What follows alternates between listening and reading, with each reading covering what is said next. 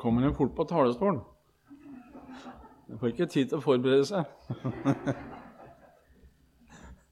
Gamle Wisløff han var glad for at det var lang vei opp på prekestolen i kirker, at det var mange trinn, slik at han hadde mulighet til å forberede seg på veien.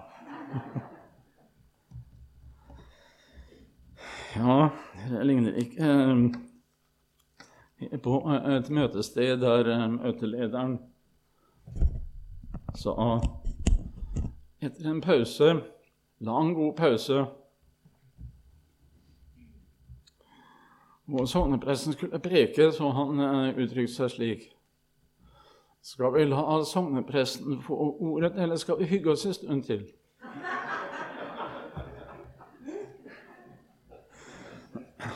Her er det lite rom for hygge. Her er det rett på.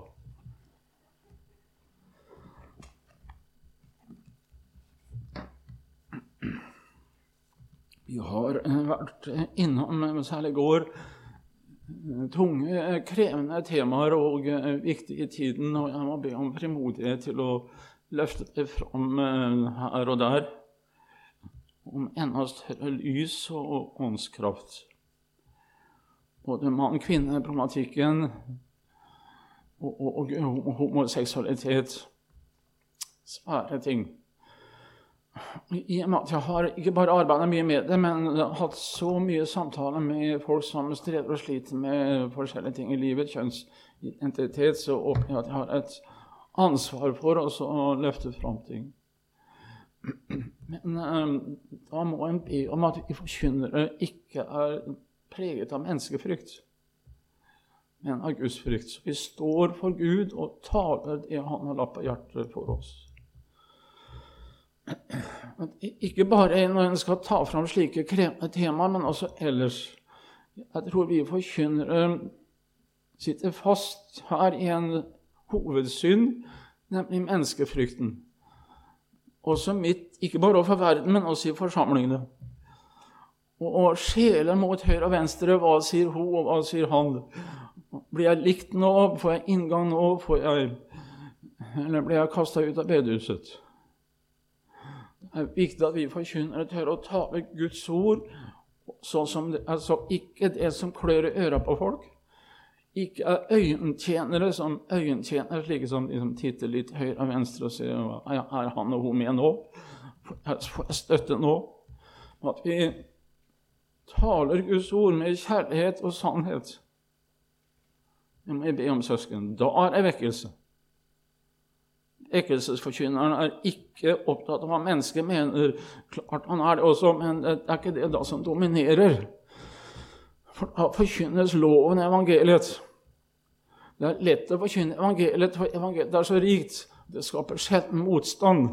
Men lovens ord, undervisning Guds sannheter, det kan skape motstand i kjøttet og i tanken sånn at vi sitter fast i ting.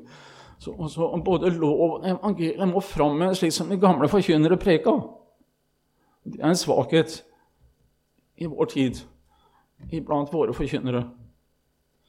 Lovens ord som treffer og ransaker, avslører evangeliet som frier og driver oss til Kristus og korset, og samtidig formaningen, den evangeliske driv, der loven ikke bare blir en dom, men skaper en trang ved en hellig ånd til å leve et annerledes og nytt liv.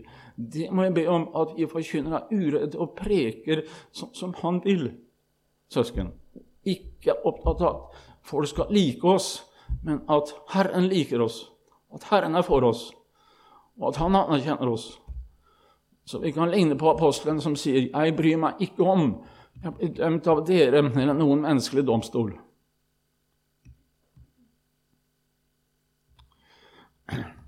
Det ligger det mye. Og det er, Men kommer hit på det sterke Vestlandet, da er det så fristende for oss forkynnere nå må en preke sånn at en får inngang og er likt. Da bør jeg slutte å preke hvis jeg faller i den synd.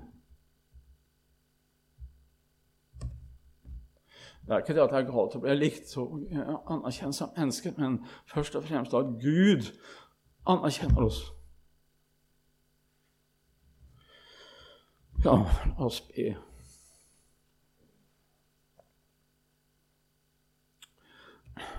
Herre Jesus Kristus, du har gitt oss veiledning og et sånt bilde av forkynneren. Du talte uredd mot fariseere, mot rådsherrer, mot skriftlærde, mot verden, Herre. Og det førte deg, blant annet, det førte deg til korset. Jesus Kristus, vi ber om at vi også våger å være sanne og følge deg, Herre, uansett hva det koster. Tale inn i verden, tale inn i forsamlingen, Jesus slik at sannheten kan frigjøre. At ikke vi lulles inn i en sånn halvsøvn av kjølighet, og så tror vi at vi er evangeliske samtidig. Jesus Kristus, vi ber at du får tale tydelig og klart til oss om det du har på hjertet. At vi blir et annerledes folk. Og verden ser at vi følger deg, Herre, og ikke deres tanker og, og prioriteringer, Herre. Ja, Jesus vil du også velsigne denne formiddagen. Tal til oss.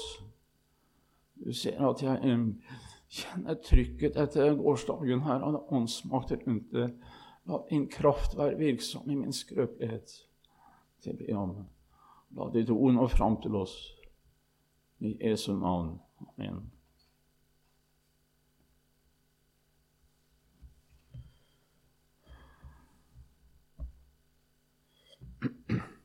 Jeg tenkte jeg skulle jeg kjent på at jeg skulle samle noe nå i en innføring i brudemystikken litt, litt, bredere.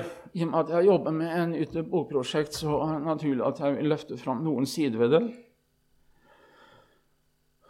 Og eh, eh, de, de gamle kalte Kristusmystikken, som er et litt fremmedord på mystikk, er så mye rart. Og Østens mystikk tar vi fullstendig avstand fra. Men det er en bibelsk mystikk som Paulus snakker om. Det store mysteriet, sier han i Fesene 5, var det? Jo, forholdet mellom Kristus og Kirken er det store mysteriet. Og det handler om at vi er i ham, og han er i oss. At den store Gud lever i oss og vi er inni ham. Vi er en kristne mystikk. Jeg skal si litt om det, litt i sin bredde. Jeg kan ikke gå dypt inn i enkeltsaker, men jeg skal prøve også å vise dere noe av dette her. Prøve å bre ut et lerret av sannheter og retter som dere må smake på, søsken. Og da Jeg, jeg, jeg må ha flaska. Jeg er, litt, jeg er blitt litt tørr på gamle dager. Jeg er sånn med gamle folk. Det har noe med at jeg ikke bare har en stemmeproblem, har også dystoni, dvs. Si en sånn muskelspenning som gjør at kjeven låser seg litt ekstra, og da blir det litt uh, tørk. Jeg må starte med begynnelsen, og det er at vi tror på en treenig Gud. Trene Gud er ikke ofte det prekes om trenigheten i våre bedehus. Jeg vet ikke hvordan det er her, som kanskje dere har vært innom det temaet mange ganger. Men, men treenigheten det bør forkynnes. Fader, Sønn og Hellig Ånd. Vi tenker gjerne at uh, Gud han er én. Det står Herren, vår Gud er én. Femte Mosebok seks. Jeg tror på at Herren er én. Én Gud. Samtidig er han tre personer. Det er et mysterium. Det går ikke opp i tanken. Én Gud, samtidig så er han tre personer.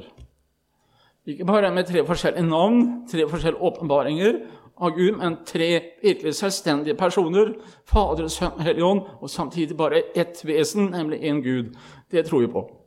Her er en store hemmeligheter som vi skulle gått dypere inn i. Denne vår Gud, han er én, men han er ikke en enslig Gud. Han har altså tre. Det vil si det er et ufattelig samfunn mellom Faderen, Sønnen og Ånden som ikke vi begriper oss på. Et fellesskap som er enormt med harmoni og glede og fred, jeg tenker jubel, mellom de tre personene i Gud. Et samfunn, et kjærlighetens samfunn og glede over hverandre, der Faderen og Sønnen og Ånden jubler over hverandre i en hellig treenighet. Samtidig så er det fullstendig ett et vesen der eh, Faderen omfavner Sønnen, og Ånden omfavner så å si Faderen og Sønnen og er forent en hellig enhet. Og Jesus Kristus, den andre personen i Gud, Han lengter etter en, å føre mennesket inn i dette samfunnet, inn i treenigheten. Føre oss inn i samme omfavnelse som han erfarer fra Faderen. Han som er i Faderens favn, står det Jesus Kristus i første, eller Johannes 1. Han er i Faderens favn. Og Jesus lengter etter å få deg inn i samme favna. Derfor blir han menneske og kommer til oss. Han blir ikke bare han blir en mann ja, en, Han ble ikke en kvinne, det er også vesentlig. Han, men han samtidig har disse sider ved seg at han har både feminine og, og maskuline dimensjoner i sitt indre. Men han er en mann, og jeg vil kalle ham en ekte mann. Og da kan vi kalle ham en ektemann. En ektemann blir han. Han ble menneskehetens ektemann og en ekte mann. Han kom for å finne en brud. Han kom fra det høye som en ny Adam for å få seg en Eva. Fordi han ønsket å ha en som var hans like, akkurat som den første Adam. Han kjente en tomhet og ensomhet i paradiset, første Adam. Og denne siste Adam, som var Gud, ønsket å få en som var hans like, som var hans side, som var hans side en dronning som han kunne føre inn i himmelen og ha ved sin side. Det er en kjempetanke, en kjempesannhet, at Kristus vil ha en brud i sin side. Det er ikke det at han ikke hadde nok med Faderen og Ånden i evigheten. Han kunne levd herlig i all evighet uten å ha skapt jord et eneste menneske. Man ville dele sin kjærlighet med oss mennesker og få oss inn i dette samfunnet. Man kommer for å få en brud som ligna ham, Guds lam, som hadde en samme renhet og rettferdighet som han. Det lengtet han etter å få seg. Herlig Jesus Kristus. Og når han så seg omkring, så kunne han kanskje tenke at englene passer bedre enn noen annen. Herlige skapninger som de er, uskyldige og rene, fantastiske vesener. Når han ser omkring på engleskaren sin Ja, det måtte vel passe bedre at disse som brud. Nei. Av mennesker, og til og med falne mennesker, skrøpelige, syndige mennesker, som måtte redde og få tilbake til brudestatus. Og da ofra han alt for å få oss til seg og hjem til seg. Han kommer og blir ekte mann, kommer ned på vårt plan, blir et menneske for at mennesket igjen skulle forenes med Gud. Han er et gudemenneske. Derfor samler han alle mennesker i seg. Det står 'én er død for alle', derfor er de alle døde. Jesus er en sånn universalperson som samler alle mennesker i seg, slik at du på en måte er til stede i Kristus allerede når han ble menneske. Inkarnasjonen er en sånn under der alle mennesker på en måte er sett i Sønnen. For Jesus skulle representere alle mennesker. Han skulle handle for alle mennesker, han skulle leve alle menneskers liv om igjen. Han skulle dø for alle mennesker, slik at han skulle gjøre godt igjen det alle mennesker har gjort gærent. Så Jesus er en underfull person som ble et menneske som samler alle mennesker i seg. Så han ropte fullbrakt på korset, der at alle mennesker ble dømt, så alle mennesker ble redda som tror på ham. Så Gud har både straffet oss og redda oss i personen Jesus Kristus i samme handling. Det er noe som åpenbares i korset. Hvis du tenker sånn Hvis jeg forlater mikken, så ser du at kroppen min er forma som et kors. Og Kanskje det nettopp er symbolet på hva som egentlig skjer. Da altså Guds hellige vrede slår ned alle mennesker i den ene personen, Jesus Kristus. Det er en, en, en vertikale siden der Guds dom rammer Kristus, og han dør av det. Og samtidig hans kjærlighet og nåde strekkes ut på denne måten mot alle mennesker, slik at han kunne favne og redde oss alle i en og samme handling. Så er vi på en måte korsmerka som mennesker. Og gjennom korset vi blir redda. Det er korset som er stedet der jeg kan møte Faderen igjen. For på, på korset så skjer det ufattelige under at Jesus Kristus, gudemennesket, som både representerer Gud og er Gud, og menneske Han måtte være Gud, for bare Gud kunne bære all verdens synder. Derfor kunne han ikke bare være et menneske. Bare Gud kunne bære sin egen vrede. Derfor måtte han være Gud. Og samtidig så måtte han være et menneske, for han var mennesket som falt. Det var mennesket som syndet. Derfor ble Jesus et menneske for å representere alle mennesker. Han måtte forene både Gud og mennesker. Det som er den dypeste hemmelighet ved inkarnasjonen. Og når det skjedde, så er at Forhenget revna, det symbolske på Jerusalem. Forhenget revna, og så åpna Jesus Kristus veien tilbake til Faderhuset, paradiset, gjennom sin egen død. Og Der ser vi på korset altså vi ser usynlig liksom, Faderen står der med utdrakte armer og tar imot oss. For Nå endelig så har det skjedd et gjennombrudd. Denne muren, denne hindringen mellom Gud og oss er borte gjennom Sønnen. Det er ett sted jeg kan møte Gud Fader uten å dø av det. Det er ett sted der synden min er dømt uten at jeg ble dømt sjøl til helvete. Men Jesus Kristus gikk i denne mitt sted. Så er det at også på korset der er det at Jesus Kristus tar imot oss, bringer oss til Faderen og fører oss tilbake til Faderens favn igjen. Da får vi plass i treenigheten. Da løfter han deg inn i en treende Gud, inn i faderfavna på korset, der du og Faderen igjen får lov til å omfavne hverandre og være elsket. Det er det som skjer på korset, ufattelig, der Herren har tatt bort alt som skiller deg fra Gud. Før han kom, så ville hans hender drepe oss. Hans hellige hender kunne ikke ta på oss. Men etter at Jesus kom, så vet vi at hans hender er naglemerka og korsfesta. Derfor våre syndere er nå dømt, ikke på oss, men på Sønnen. Derfor kan han ta på deg, for, for dine syndere hindrer ham ikke. Dine syndere er dømt allerede, så nå kan han ta på deg, omfavne deg og holde deg inntil seg, fordi hans hender er korsfestet og dømt for at du skal være fri i hans favn. Det er noe av hemmeligheten med Jesu Kristi inkarnasjon og død. Vi har ikke snakka så mye om inkarnasjon i forbindelse med forsoning og frelse, men jeg løfta fram bare en liten tanke rundt det som er viktig å ta med i hele betraktningen. Men man blir jo ikke frelst automatisk ved det som skjer i historien gjennom Jesus Kristus. Det er grunnlaget. Der åpner porten. Der står Faderen klar til å ta imot oss. Men han har kjærlighetsmidler for å redde oss og få oss tilbake til seg. Det første middelet det er ordet hans. Ordet det er et uh, gudemiddel også. Hans hellige ord, det skriftlige ord, det er forenet med det personlige ord, nemlig det skriftlige Bibel, er forenet med Han som heter Ordet, slik at Han og Ordet er ett. Og alt det som sies her i Ordet, det er fra Jesu Kristi munn. Og når du hører ordet, da går den personlige ordet gjennom dine ører og bosetter seg i hjertet ditt. Ordet, som de gamle sa, det er den vogna Gud kjører på gjennom dine ører og inn i hjertet ditt. Ordet, sa de også, det er det gullfatet som Gud bruker for å bære sønnen til deg. Slik at du tar imot Jesus og alt han har gjort. Så ordet er, det er enorme frelsesmidler som Kristus er til stede i hemmelighetsfullt, hellig, heldig. Der er han. Snakker han. Du tar imot dette ord og lever i det. Det er at Jesus Kristus går bokstavelig talt inn i ditt hjerte.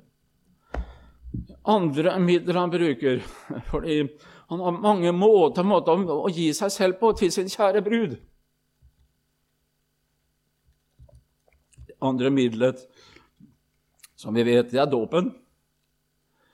Der han helt konkret også gir seg selv til oss. Vannet i seg selv har ikke noe kraft, men når vannet er forena med dette ordet, med Kristus, så blir, da blir vannet et, et gjennomgud av vann, som man snakket om før. Det blir gjennomprega av Kristus. Kristi blod og person er til stede sammen med vannet. Så man, man, senkes ned i Kristus når man blir døpt. Sånn sett kunne man gjerne ønske seg full neddykkelse. Men det skal man gjerne ha med barn også, småbarn. For alle er inkludert og velkommen inn i, inn i, i dåpens rikdom. Det største og viktigste ved dåpen er det som sies, som jeg har nevnt før, på fredag. I Galaterne 3,27. Så mange som er døpt til Kristus, har ikledd seg Kristus. Tenk det kledd med Kristus. I dåpen skjer en ikledning der man, kledd, man kles av seg det gamle livet og blir påkledd Kristus. Kristus blir mine klær. Han dekker meg fra topp til tå. Han er helt inntil meg. Og Luther er jo saftig Og så skriver han først at Kristian skriver en kjempeperson som du gjerne må grave hvis du får tak i. Kristian skriver 'Sjeleskatt'. Den er svær, altså. Den er på 2000 dobbeltspalta sider. Og eh, tilsvarer ca. 20 bøker, sånn i normal størrelse. Og jeg, jeg lever mye av Kristian skriver, men mange av de gamle hadde sånne svære verk. Og Han forkynner nettopp dette her, sånn at det å bli døpt til Kristus, det å få Kristus som mine klær, som dekker meg forfra og bakfra overalt. Og Luther tar enda mer i og sier Kristus blir ikke bare din klær, han blir din hud, ditt skinn. Når du blir døpt til Kristus, så er han like nær deg som huden din, som skinnet ditt. Og du vet hvor viktig huden er. Den er var og sensitiv for varme og kulde, for stikk og påkjenninger. Slik er Jesus Kristus den som dekker deg, så alt som skjer med deg, merker han som er huden din. Det er ikke noe som unngår ham. Du er fullstendig ett med ham på alle kanter. Så vidunderlig er det å være ett med Kristus og døpt til Jesus Kristus. Jeg og han er helt ett om alt og i alt. Kledd med Kristus.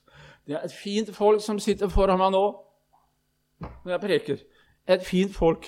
Et Kristusfolk som er kledd med selveste Sønnen. Og når Faderen ser deg, så ser han Sønnen sin på deg og i deg. Du er gjemt og skjult i ham. Dine synder er skjult i ham. Og ingenting er igjen av det, av det gamle som Gud ser. Klart, han, som jeg sa, han, han ser jo, han er guddommelig, han ser jo dine synder og dine skrøpeligheter. Men Jesu frelse er så mye mye større at du dekkes helt. Du er helt kledd med ham. Det tredje middelet han han gitt oss, det er, et, det er, et, bryllupsmåltid, det er et kjærlighetsmåltid, det er, det er nattverden. Der er at han ikke bare liksom taler eh, ordet sitt sånn så generelt til alle, som ordet kan ha den funksjonen, eller at eh, gir, han gir seg selv i dåpen til en enkeltperson. Det er også viktig at han bruker den måten. Men i nattverden så gir han seg til oss om og om igjen. Derfor har han gitt oss det tredje middelet, nemlig nattverden. For han skal gi seg til oss om og om igjen. Og så konkret at han kommer sammen med brød og vin. Han som gikk gjennom vegger. Han kan også være til stede i brød og vin, naturligvis. Og det har han sagt. Dette er mitt legeme, dette er mitt blod. Det betyr at han er til stede i brødet og vinen. Vi kan jo ikke tolke de ordene sånn i nattverden. Dette er ikke mitt legeme, dette er ikke mitt blod. Konkret. Hvis han sier at dette er mitt legeme, og dette er mitt blod, da må han jo mene det. Men det var jo hans, eh, var jo ikke brød og vin som døde på korset. Det var Kristus. Det var hans kropp som ofret, som er til stede i brødet og vinen. Man, I vår kirke har man tolka det slik at Jesus Kristus med sitt hellige legeme og blod er til stede i brødet og under brødets skikkelse og sammen med brødet og vinen. Her har vi i vår bekjennelse i en luthersk kirke et annet syn enn de reformerte og kalvinister og andre. For de, de forkynner at Kristus bare er åndelig til stede, mens i virkeligheten så sitter han oppe i himmelen. Vi sier at han helt konkret og virkelig reelt og personlig er til stede i nattverden i brødet og vinen. Så det bør ikke være tvil om at du tar imot Jesus der. At du liksom må tenke deg til å tro sterkt, eller at du må dra deg til håret for å komme opp til Jesus. Her kommer han helt ned til deg sammen med brød og vin for at du skal få ta imot Jesus Kristus. Og Her tror jeg det er mye reformert uh, nattverdtenkning også i våre rekker. Og mange er påvirket av en nyreformert tenkning rundt sakramentene. Vi skal holde fast ved at Kristi legeme og blod er til stede konkret i brødet og vinen. Takk og lov for det. Brødet som vi bryter, gir ikke det samfunn med Kristi legeme. Og vinen som vi deler, gir ikke det samfunn med Kristi blod, sier Paulus. Samfunn, inderlig samfunn med. Så jeg vil niholde og fastholde den sannhet, uansett hva som prekes om dette punkt i vår tid. For du vet også det at det, det er ingenting som er nærmere oss enn mat og drikke. Maten forandrer oss, gir oss næring, celler, byggeklosser i kroppen. Jesus er til stede i brødet og vinen sammen med maten for at det nye livet ditt skal styrkes, og du skal vokse og, og bli en ny skapning for Herren. Så bruk nattverden og forkynn sant og rett om nattverden. Jeg tror Det er mye svakt. Det, det, det blitt for overfladisk og diffust, for mye rutiner rundt det. De gamle kunne fortelle det på, i Ålkirken, at når vi har nattverdmåltid, så henter det folk helbreda. Fordi Jesus Kristus, den store lege, er konkret til stede og gir seg til folk. Gamle Krysostomus, den store biskop i Konstantinopel, han forteller at når vi holder nattvær, da har jeg sett englene rundt og betjener oss. Og eh, når folk er ferdig med nattverden, så reiser de seg nattverdbordet, og så synger de 'Jeg lever ikke lenger selv, men Kristus lever i meg', og enhver eneste trollmann i Konstantinopel skjelver. Fordi Jesus Kristus har tatt plass og bolig i mitt hjerte. Så alle disse tre midlene forkynner Kristus, søsken. Vi må preke det fram så folk tror det, for troen kommer av hørelsen. Vi hører den. Det er så mye grått på de punktene her. Forkynner kraftig, bibelsk, direkte, virkelig om disse sannhetene, så ikke blir diffust. Vi eter ikke diffust mat også. Det er ikke diffuse saker. det er ekte vare. Herren personer helt. Men hvem er det som tar imot egentlig det jeg her sier? Hvem er det som tar imot Kristus og mottar ham? Hvor er det Kristus er, og hvor er det han bor hen? Isaiah sier det slik for så sier den høye, den opphøyde, han som troner for evig, han som bærer navnet hellig. I det høye og hellige bor jeg, og hos den som er knust og nedbøyd i ånden, for å gjøre de levende, for å gjøre levende de nedbøydes ånd, og gjøre de knustes hjerter levende. Det ser ut til at Herren bor på to steder. Han bor i det høye og hellige, og hos den som er knust og nedbøyd i ånden, eller i nytestamentlig språkbruk betyr det fattig i ånden. I begynnelsen av bergprekenen nevnes det uttrykket. Der bor han. Han bor ikke i stolte, selvsikre, selvfornøyde mennesker som ikke trenger ham og hans frelse, men de som er ydmyke nok til å innrømme jeg trenger Jesus, jeg trenger frelsen. Der bor han. De som har sett sine synder og trenger nåde og tilgivelse for det, der vil han være. Som kjenner på at Herren han er så mektig at, og stor og hellig at jeg, jeg fortjener ikke å være i hans nærhet. Der bor han. Og de som kjenner på sin svakhet, de får merke hans styrke. De som merker sin fattigdom, de får merke hans rikdom. De som kjenner på sin synd, de får ta imot hans rettferdighet. Der vil han bo. Bare to steder. Det er viktig at det prekes om at vi kom på den plassen der Herren kan bo. Jeg tror også her inne så vil det være aktuelt. For også her inne er det syndere. Her er det syndere. Allerede jeg nevnte innledningsvis frykter du Gud mer enn mennesker.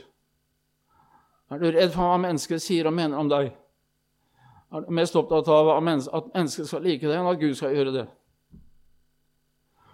Menneskefrykten er en eh, grov synd mot det første budet. Elsker du Herren, elsker ham. Vet Den man elsker, vil man være sammen med, snakke med, prioritere, be til. Tenke på hele tiden. Hvis du elsker Jesus, så tenker du på Jesus hele veien. Ikke bare sånn formelt en gang imellom en liten andastum, men da, da, er han i din tanke. Elsker du Jesus, har lyst til å snakke med Jesus, være sammen med Jesus hele tiden. Det er ikke så veldig krevende for to som elsker hverandre, å ta tid sammen alene. De har den første kjærlighet, og det brenner i hjertet mellom de to. Elsker du Jesus, eller er Jesus litt sånn eh, andre-tredje prioritet?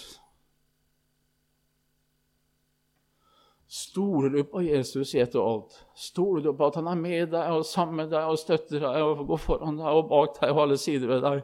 Og du kan stole på at det han har gjort, holder, og at det er ikke noe som mangler i hans frelse. Stoler du på han? Det er også hører med bare, hvis, hvis, man gikk gjennom mange slike ting, så er jeg sikker på at hvis jeg skrapa litt i lakken hos dere, kommer litt bak fasaden, så er det nok ting her å snakke om. Så søsken, dere trenger vekkelsesforkynnelse fortsatt. Man har tenkt liksom å ja, før var det bare synd og nådeforkynnelse. Ja, kjære vene, la det fortsette med det. Så, så, så, folk blir syndere og ser sine syndere, og Jesus Kristus blir stor, og nåden blir opphøyet. Det er helt nødvendig, det. Det kan være en smal og for overtalelsesforkynnelse men, men sannheten frigjør. For også kristne strever og sliter, og kan og til og med helt åpenbart i grove ting. Og jeg merker jo at Når vekkelsen bryter gjennom, da treffer det konkret folk. og Det er uforsonlige folk er imot hverandre, irritasjoner. Det er uoppgjorte ting.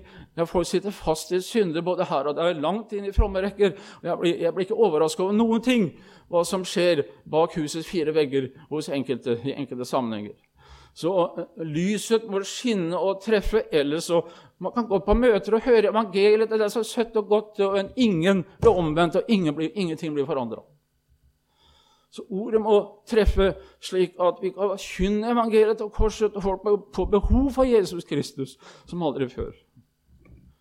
Så kall til dere evangelistene, vekkelseevangelisten også, sammen med at noen lærer dere opp i sunne, rike, herlige temaer og viktige områder som ofte er lite berørt, eller må berøres mer. Men det er altså denne som kjenner på sine synder og sine svakheter, som kommer fram for Jesus når han kaller oss til seg.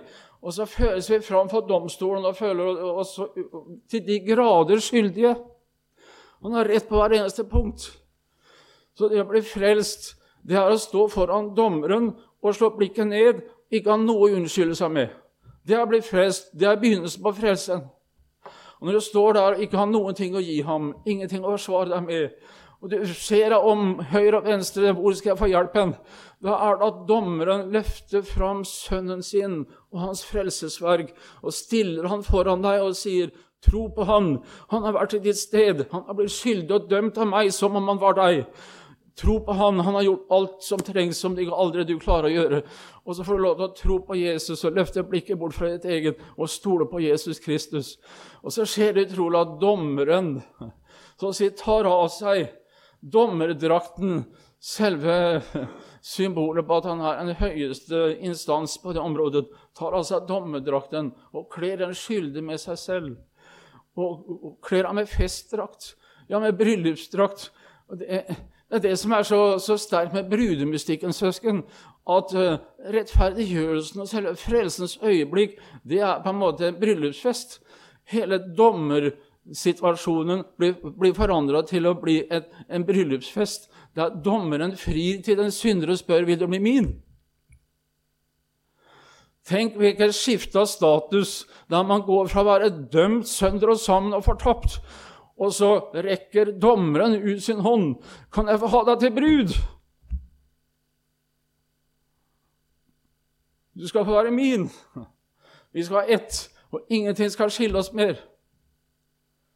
Det er, det er i en nøtteskall. Så, så, tar han av deg fillene, og så kler han deg med festklær, slik at uh, du eier alt det Jesus er og har. Og så kan du juble, som det står i Jesajas 61. Jeg vil glede meg, Herren, min sjel skal fryde seg, min Gud. For han har kledd meg i frelsens drakt, i rettferdighetens kappe har han svøpt meg lik brudgommen, som setter på seg en lue prektig som prestens, og lik bruden som pryder seg med sine smykker.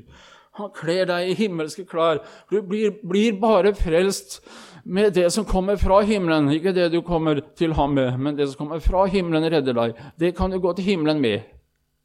Men som jeg også understreker på fredag, som jeg vår rettferdighet er ikke bare en klesdrakt av Jesu frelsesgjerninger, men det er en person. Det er begge deler. Vi har i luthersk forkynnelse ofte skilt mellom Jesu Kristi frelsesverk og, og gaver og synsforlat, sånn at det er en hovedsak i frelsen. Naturligvis er det det. Sånn, så rent juridisk så blir vi frikjent og dømt uskyldige, og, og vi får syndens forlatelse. Det er en side av frelsen som Gud gir oss, og som Kristus har vunnet for oss. Men eh, eh vi får noe mer også. Vi får selveste Jesu Kristi person som vår rettferdighet. Vi må ikke skille mellom Kristi verk og person. Kristi gaver og person. Den største gaven i frelsen er giveren. Så giveren, Gud selv, blir din rettferdighet. Og da må det være bra nok, vel? Da må det vel være rettferdig nok. Når den allmektige, hellige, rene Gud selv kler deg opp med seg selv, slik at han blir din rettferdighet, da må du vel være rettferdig nok, er du ikke det, da? Kan du bli mer rettferdig enn ham? Når han, Jesus Kristus, ble dømt som urettferdig på korset, for at du skal feie hans rettferdighet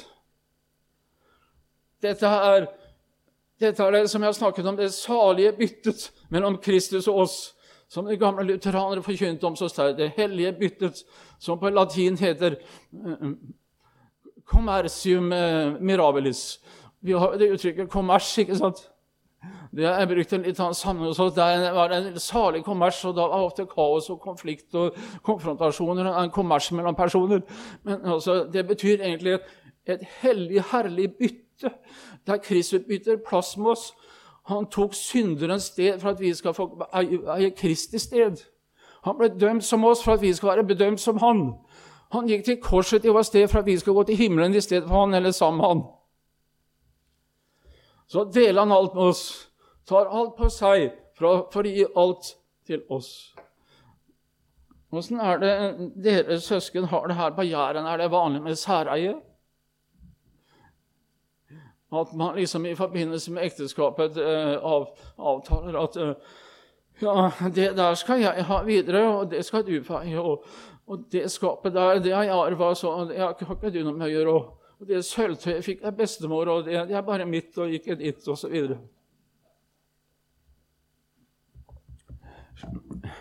Man kan forstå da at enkefolk som giftet seg på gamle dager, kanskje hatt ekteskap bak en det var enkemann og kvinne noe avtale, men altså i utgangspunktet, da Og særlig når det gjelder Kristus og du, så, så deler dere alt med hverandre.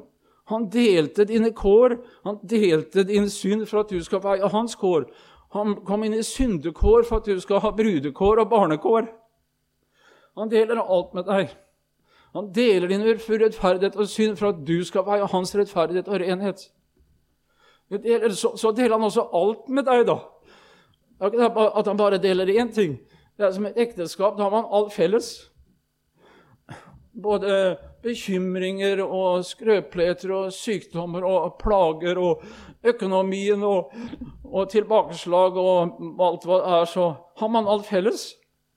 Det er som en gammel forkynner sa det, en som het Anders Nordborg. Han var forresten um, Rosenius' lærefar. Han levde 100 år før Rosenius. Og Nordborg han snakket om at vi slår pjalten i hop.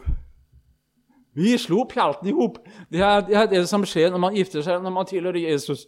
Vi slår pjalten i hop.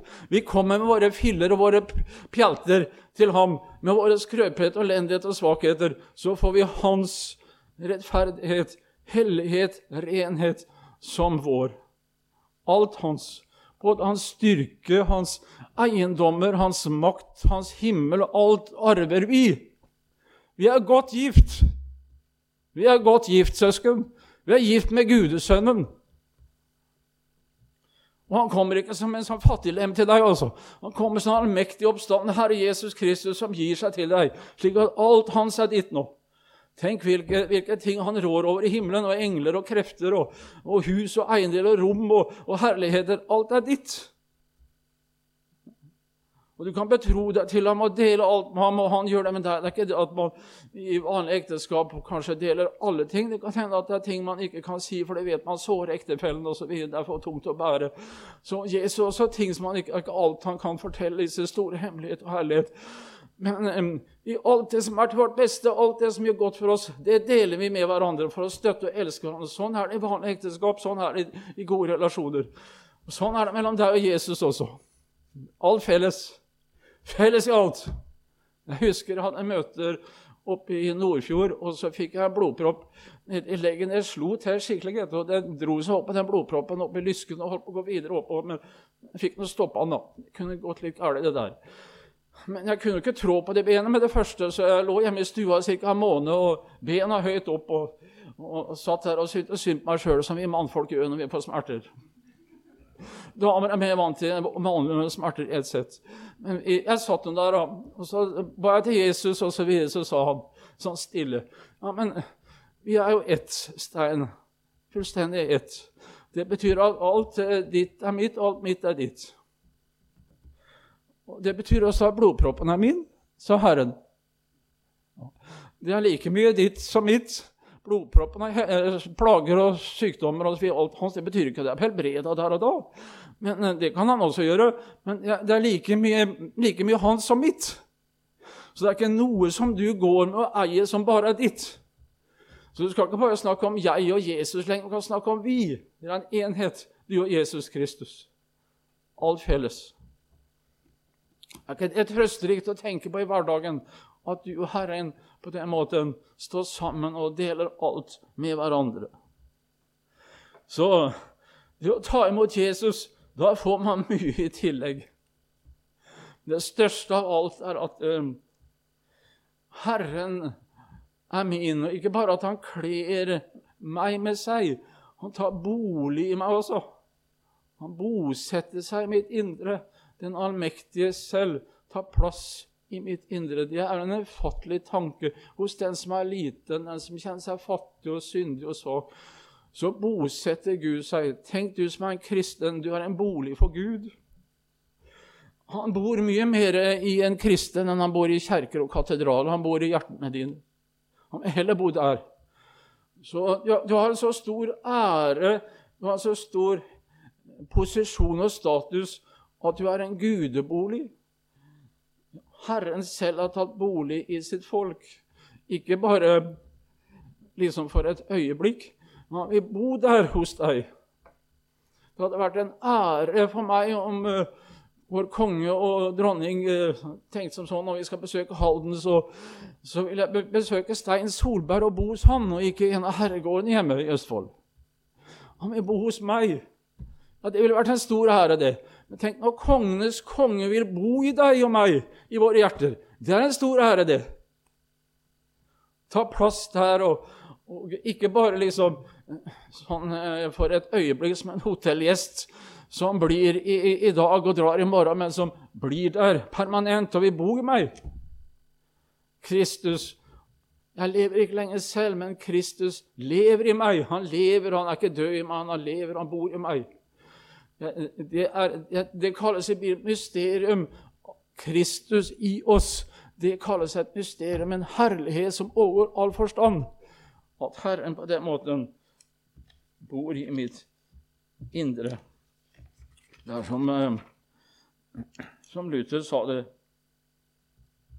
Din verdi og din storhet det er at Gud bor i deg. Du er Guds hus, bolig, du er Guds paradis og hans trone. Sånn forkynte de gamle. Det er ikke noe rart at det blir litt annen kristen det. Det er din ros, din ære, at du er, en, at du er Guds at du er Guds helligdom, at du er Guds himmel, sier doktor Müller. Kraftfull forkynnelse om dette her. Så kan man naturligvis gå videre og, og spørre Hvis Herren bor i deg, da må han vel på en eller annen måte gi seg til kjenne og vise seg der at han bor i deg. Han sover ikke der. Han er i virksomhet. Det gir en lyst til å leve annerledes. og Det skaper nye trang til å gjøre godt for andre og prioritere ham osv. Så, han bor i deg og fyller deg og virker i deg. ikke sant? Så Det er en annen side som jeg ikke kan utdype her. Men uh, Paulus spør korinterne direkte. Kjære dere korintere, merker dere ikke at Jesus Kristus bor i dere? Hvordan kan du ha en slik person i deg hvis du må merke det? Og merker man det helst kanskje først med nød og kjenner på sin fattigdom og sin synd, og at man blir avhengig av Jesus Kristus og tror på ham og, og begynner å søke ham i bønn, og, og så gradvis får en lyst til å leve annerledes enn før. Det er et tegn på at Kristus bor i oss. Og Først og fremst at vi ser våre synder, og at vi trenger Jesus. Og at det blir bare Jesus igjen i våre liv. Det er et tegn på at han bor i oss, så ikke blir meg og mitt, men han og hans. Ja. Så jeg har prøvd i løpet av, særlig på fredagen og i dag, å si litt om det å være i Kristus og Kristus i oss. Det er to uttrykk for en og samme sak.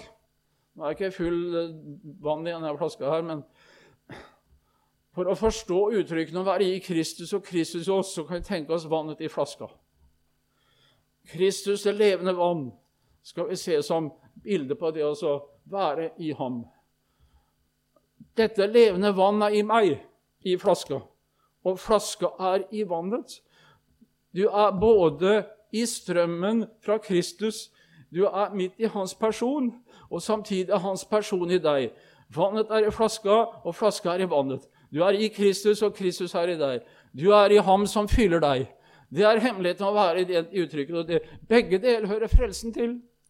Det at Kristus er i oss, det har ikke bare med helliggjørelse og, sånn å gjøre.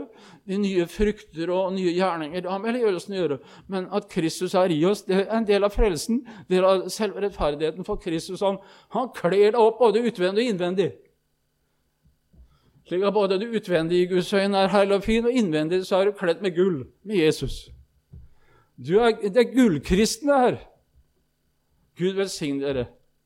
Takk for at jeg fikk dele noen av disse sannheter som betyr så mye i mitt liv, og som jeg takker Herren at jeg får lov til å jobbe med.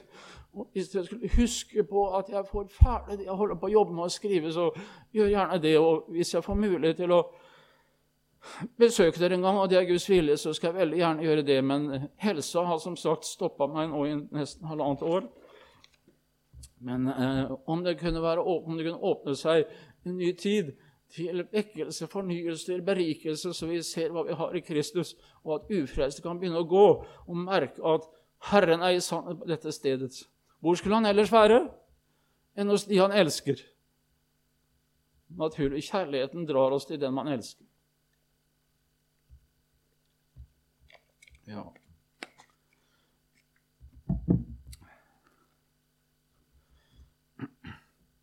Jeg skulle ha sunget en sang, men uh, gitaren fikk jeg ikke stemt, så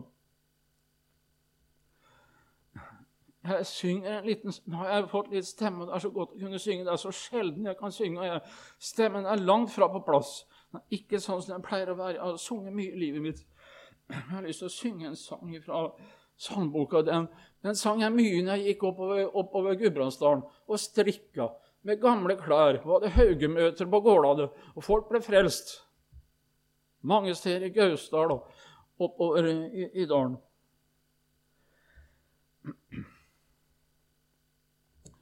Herre, jeg hjertelig ønsker å fremme din ære. Dertil du skapte meg, at jeg din tjener får være. Hvor er jeg selv? Som kan med liv og med sjel tjene så nådig en Herre. Og at jeg kunne i gjerning så gjerne jeg ville prise deg, Fader, all miskunns og kjærlighetskilde til alt ditt verk. Gjør meg lærvillig og sterk. La meg ditt vennskap ei spille. Veksel mitt sinn og oppmuntre meg flittig å sjunge til din takksigelse løsne min stammende tunge. Immanuel, du bør i legem og sjel prises av gamle og unge. Ja, ja med skrøpelighet en synger nå for tida, for det er så sjelden en har stemmelig stemme til å prøve. Men eh, det er våre mål at, at den store Herre og Frelse som har tatt bolig i vårt indre, at Han får vise seg for verden gjennom oss, i våre ord og gjerninger, så Hans skikkelse bryter fram, så mennesker møter Jesus gjennom våre ord og våre handlinger. Kjære Jesus Kristus, takk for formiddagen. Takk for ditt ord som er så rikt, Herre. Takk at vi en dag skal komme inn og se at vi er i treenheten. Takk for at du ble menneske, for at vi mennesker skulle forenes med Gud. Takk for korset ditt, Herre, der du brøt igjennom i forhold med deg og oss. Takk for ordet, Herre, som du kommer til oss med, der du gir deg til oss, Herre, gjennom våre ører. Takk for dåpen, du, du kler oss med deg. Takk for nattverden, Herre, der du gir deg til oss gjennom mat og drikke. Takk, Herre Jesus Kristus, for rettferdigheten, der du kler oss med din rettferdighet og tar av oss våre egne synder, Herre, og gir oss din sted, din rettferdighet og hellighet i stedet, Herre. Takk at du deler alt med oss, og at ingenting lenger bare er vårt, men alt er like mye ditt. Og alt ditt er vårt Jesus. Det priser vi deg for. Så takker vi Jesus at du har bøyd deg så dypt ned at vi bor i våre hjerter. Du er vant til um, dårlig kår, Herre, og, og uh, er ikke vant til sånn høy status sånn sett på jorda, Herre. Du ble født i en krybbe, og du kan også bo i våre hjerter. Takk at vi bor der, må du synliggjøres og levendegjøres som mennesker møter deg gjennom oss. Takk, Herre. Velsign dette stedet og brødre og søstre veien videre. Strukturer, alt som skal bygges opp her. Jesus Kristus, at sannheten har makt, og at vekkelsens lys må trenge inn, Herre. At det blir slik. Det lengter vi etter Jesus Kristus. Hør oss for ditt navns skyld. Amen.